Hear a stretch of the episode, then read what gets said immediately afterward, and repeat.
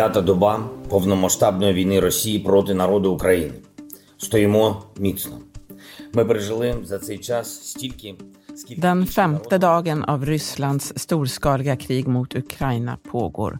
Vi står fast. Under den här tiden har vi fått utstå mer än vad andra nationer har gjort under decennier, sa Ukrainas president Zelensky på måndagen. Vem är presidenten som gick från komiker till frontfigur för det ukrainska motståndet? Välkommen till Studio DN. Jag heter Sanna Thorén Björling. Och med mig har jag idag en av poddens stamgäster, eh, får man ju säga, Dagens Nyheters utrikeskommentator Mikael Winiarski. Välkommen! Mm, tack, tack. Hej. Du är ju i Krakow. Eh, hur är stämningen där?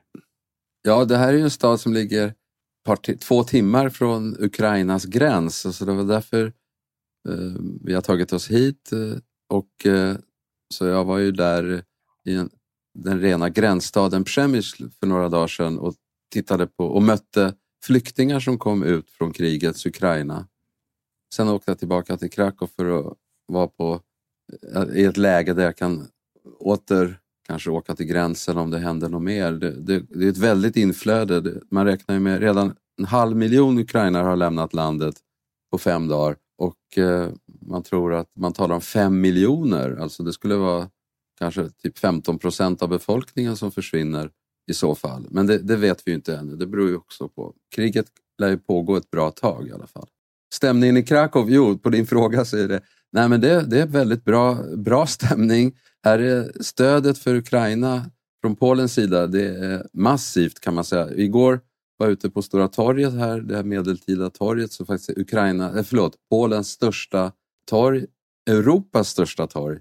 Och det var till stor del fyllt av demonstranter till stöd för Ukraina och deras självständighetskamp. Mm. Så det, var, det, det, sa en hel del faktiskt om hur läget är här. Vi vet ju också att människor inte, rör sig, inte bara rör sig ut ur Ukraina utan också över gränsen åt andra hållet till Ukraina för att hjälpa till i kampen mot Ryssland. Motståndet eh, mot Ryssland har varit starkare än vad Putin har väntat sig, eh, tycks det. Va, vad trodde han, tror du? Ja, jag vet faktiskt inte. Alltså, om, om man lyssnar på vad han sa när han la upp hela den här idén om att han skulle betvinga Ukraina och göra det till en någon slags ny koloni för Ryssland. Han började med den här på allvar med att skriva en väldigt lång essä förra sommaren och som gick ut på att Ukraina det är inget riktigt land, det är bara en konstruktion. Och sen fortsatte han när han, när han kom med sin krigsförklaring då i, för, i, nu i förra veckan.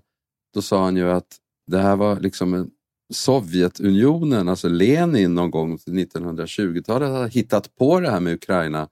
Så att, det, och det, så att enligt honom finns inte Ukraina egentligen alls.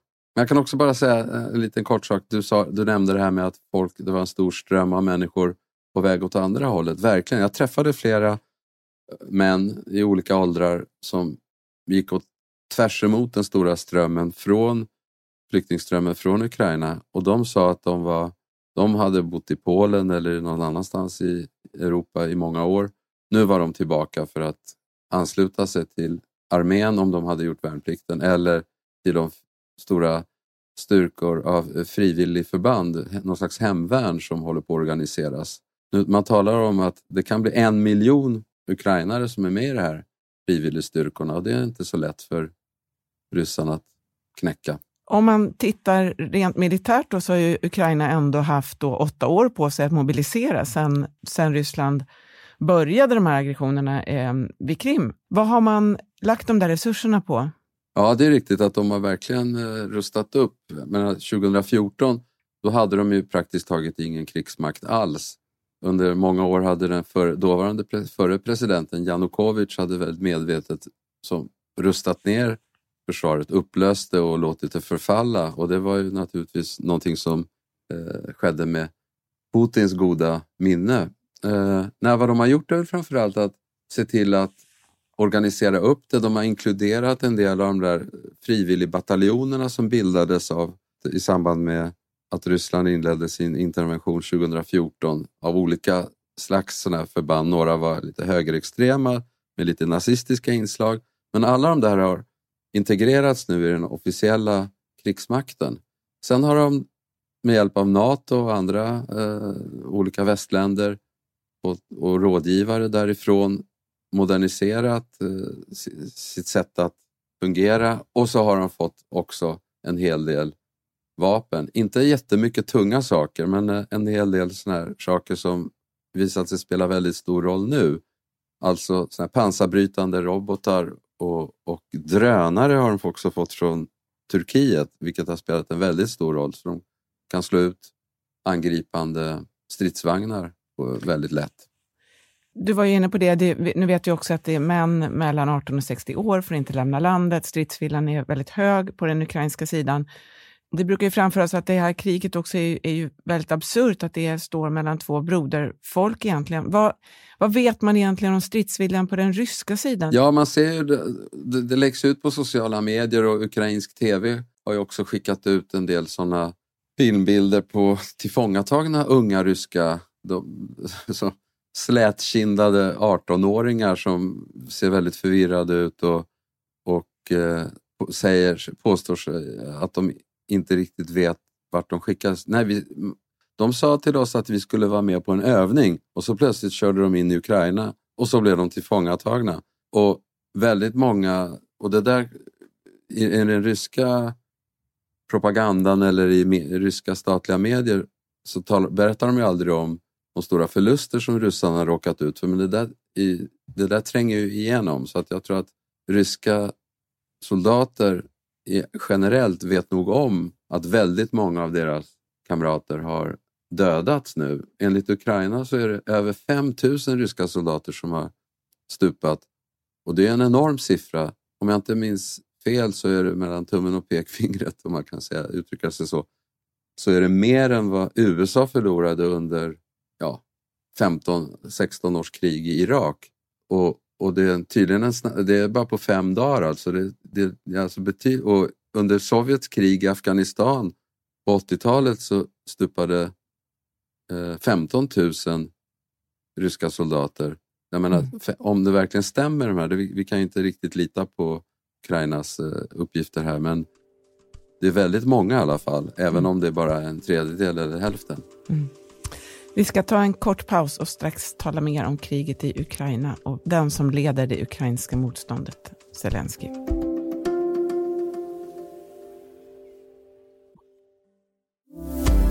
Studio DN idag. Vi har med oss Mikael Winjarski som är utrikeskommentator på Dagens Nyheter. Ukraina har ju sedan 2019 en ung president, Volodymyr Zelensky. Han har ju för en politiker en rätt unik bakgrund som skådespelare och komiker. Kan inte du berätta lite, vem är han? Alltså han, var, han gjorde sitt namn när han spelade huvudrollen i en kom, sån här äh, skämt-tv-serie som hette Folkets tjänare. Och det, det handlade om någon en helt okänd figur som plötsligt blev president i Ukraina. Och det gjorde han med viss eh, framgång och serien blev en enorm succé. Och så småningom fick de för sig att han skulle göra om hela det här tricket i verkligheten också. Och då blev han vald med väldigt stor majoritet. Och det var väldigt, väldigt många som betraktade honom med väldigt stor skepsis. Och när jag besökte Kiev bara för två veckor sedan, strax innan eh, kriget började nu, då pratade jag med flera, med, många Kievbor och, och, experter och andra och de flesta var väldigt skeptiska mot honom, trodde inte att han var den ledare som landet behöver. Mm. Men det där har ju förändrats när, när Ryssland angrep. När mm. Ryssland invaderade, då plötsligt så visade han upp helt andra sidor. Hur kommer det sig då, när han kom till makten, eh, att han kunde vinna ett presidentval med den bakgrunden? Kan du dra eh, lite grann den politiska situationen då? Ja, det var väl så att den dåvarande presidenten Petro Poroshenko hette han, han blev ju vald i maj 2014 precis efter den ryska dåvarande interventionen och annekteringen av Krim och det började, det började ett krig då i östra Ukraina i Donbass där så kallade separatister tog kontrollen över delar av de här två östligaste regionerna. Då, trots att Poroshenko faktiskt byggde upp både landet och eh, den armé som Ukraina idag har så var han aldrig särskilt populär. efter att han hade valts då, utan hans popularitetssiffror sjönk och sjönk och sjönk. Och så småningom gällde det att hitta någon, eh, ja, när, när eh, oppositionen skulle hitta någon kandidat mot detta så kom de på den här lysande idén att eh, eh, Zelensky var, var ett namn. Men det, och då, han hade ju då han, han hade väldigt stark uppfatt, uppbackning av en av de oligarker. Det finns alltså ett fem oligarker eller så i Ukraina som man anser styr allting i bakgrunden. Och en av dem satsade väldigt mycket resurser på Zelensky. Och en väldigt skicklig valkampanj och propaganda så lyckades han besegra då Poroshenko. Mm. Och nu då, så, som du var inne på, så eh, kanske en del har varit lite tveksamma till hur, hur han ska klara den här krisen. Men han har ju mm.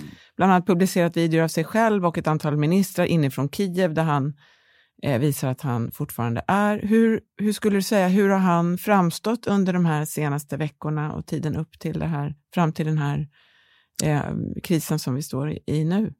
Ja, jag ska lägga till en sak också som en avgörande faktor tror jag varför han fick så stort stöd. Det var att Poroshenko, konkurrenten då, den sittande presidenten, han förknippades väldigt starkt med västra Ukraina, ukrainsk så att säga, patriotism och nationalism medan Zelensky han fick väldigt mycket röster av de som var mer positivt inställda till Ryssland, de mer ryskspråkiga områdena i södra och östra Ukraina. Det tror jag var en väldigt viktig faktor, jag glömde säga det.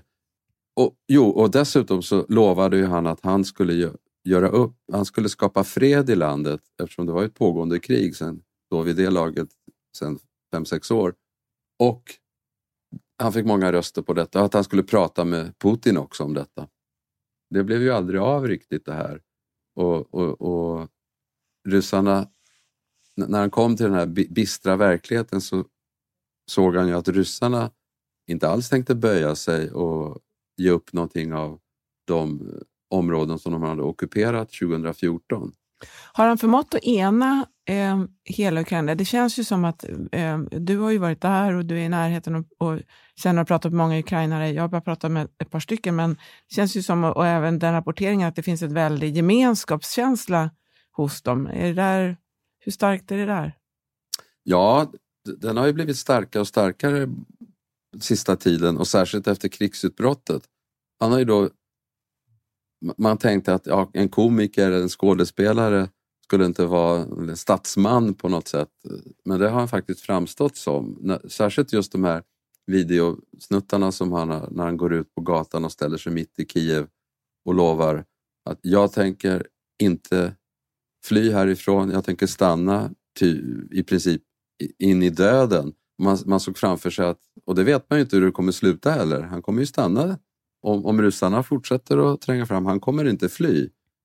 Utan han kanske blir, det kanske blir en sån här figur som Allende i Chile när eh, armén prickade eh, presidentpalatset med, med raketer och Allende stod där med en k-pist och blev död, ihjälskjuten.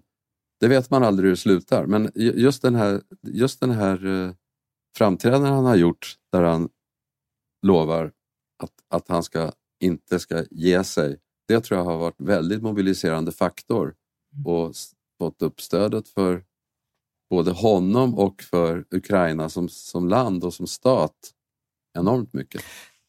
Hur, vad tror du då avslutningsvis, vad tror du eh, den här mobiliseringen och stridsviljan och eh, den här ledaren, eh, Ryssland är ju ändå militärt överlägset, men vad tror du att den här typen av känslor, vad betyder det för hur kriget avlöper, detta motstånd? Alltså, det är uppenbart så att ryssarna, att det har gått trögare för dem den här operationen än vad de hade hoppats på. Sen har de ju, näst, ja, det är svårt att veta om de är otömliga, men de har enorma resurser i alla fall, ryssarna. De kan ju pumpa in folk och det, enligt gammal rysk och sovjetisk tradition så kan de ju, de kan ju mala på Putin bryr sig uppenbarligen inte om att, hur många av hans egna soldater som stupar. Så han kan ju köra in, eh, fortsätta mala, ma, försöka mala ner motståndet så att det är ingenting, även om det ser dåligt ut ibland, vissa avseendet för ryssarna här, så man, vet, man ska inte säga att de inte kommer lyckas att besegra eller att störta den ukrainska regeringen och eh, köra bort dem eh, eller döda dem. Men eh, vad som händer sen vet man ju inte. Alltså nu är det ukrainska motståndet så mobiliserat. Vapen är utdelade överallt. Så att det, jag tror det kanske inte blir Afghanistan men det blir definitivt eh, ett folkligt motstånd och partisankrig. Mm. Vi får alla anledning att återkomma till dig, Micke. Tack för att du var med idag. Tack. Om du vill kontakta oss så går det bra att mejla till studiodn Kom också ihåg att prenumerera på Studio DN där du lyssnar på poddar så missar du inga avsnitt. Studio DN görs för Podplay av producent Sabina Marmelaka, ljudtekniker Patrik Miesenberger och teknik Oliver Bergman, Bauer Media. Jag heter Sanna Thorén Björling.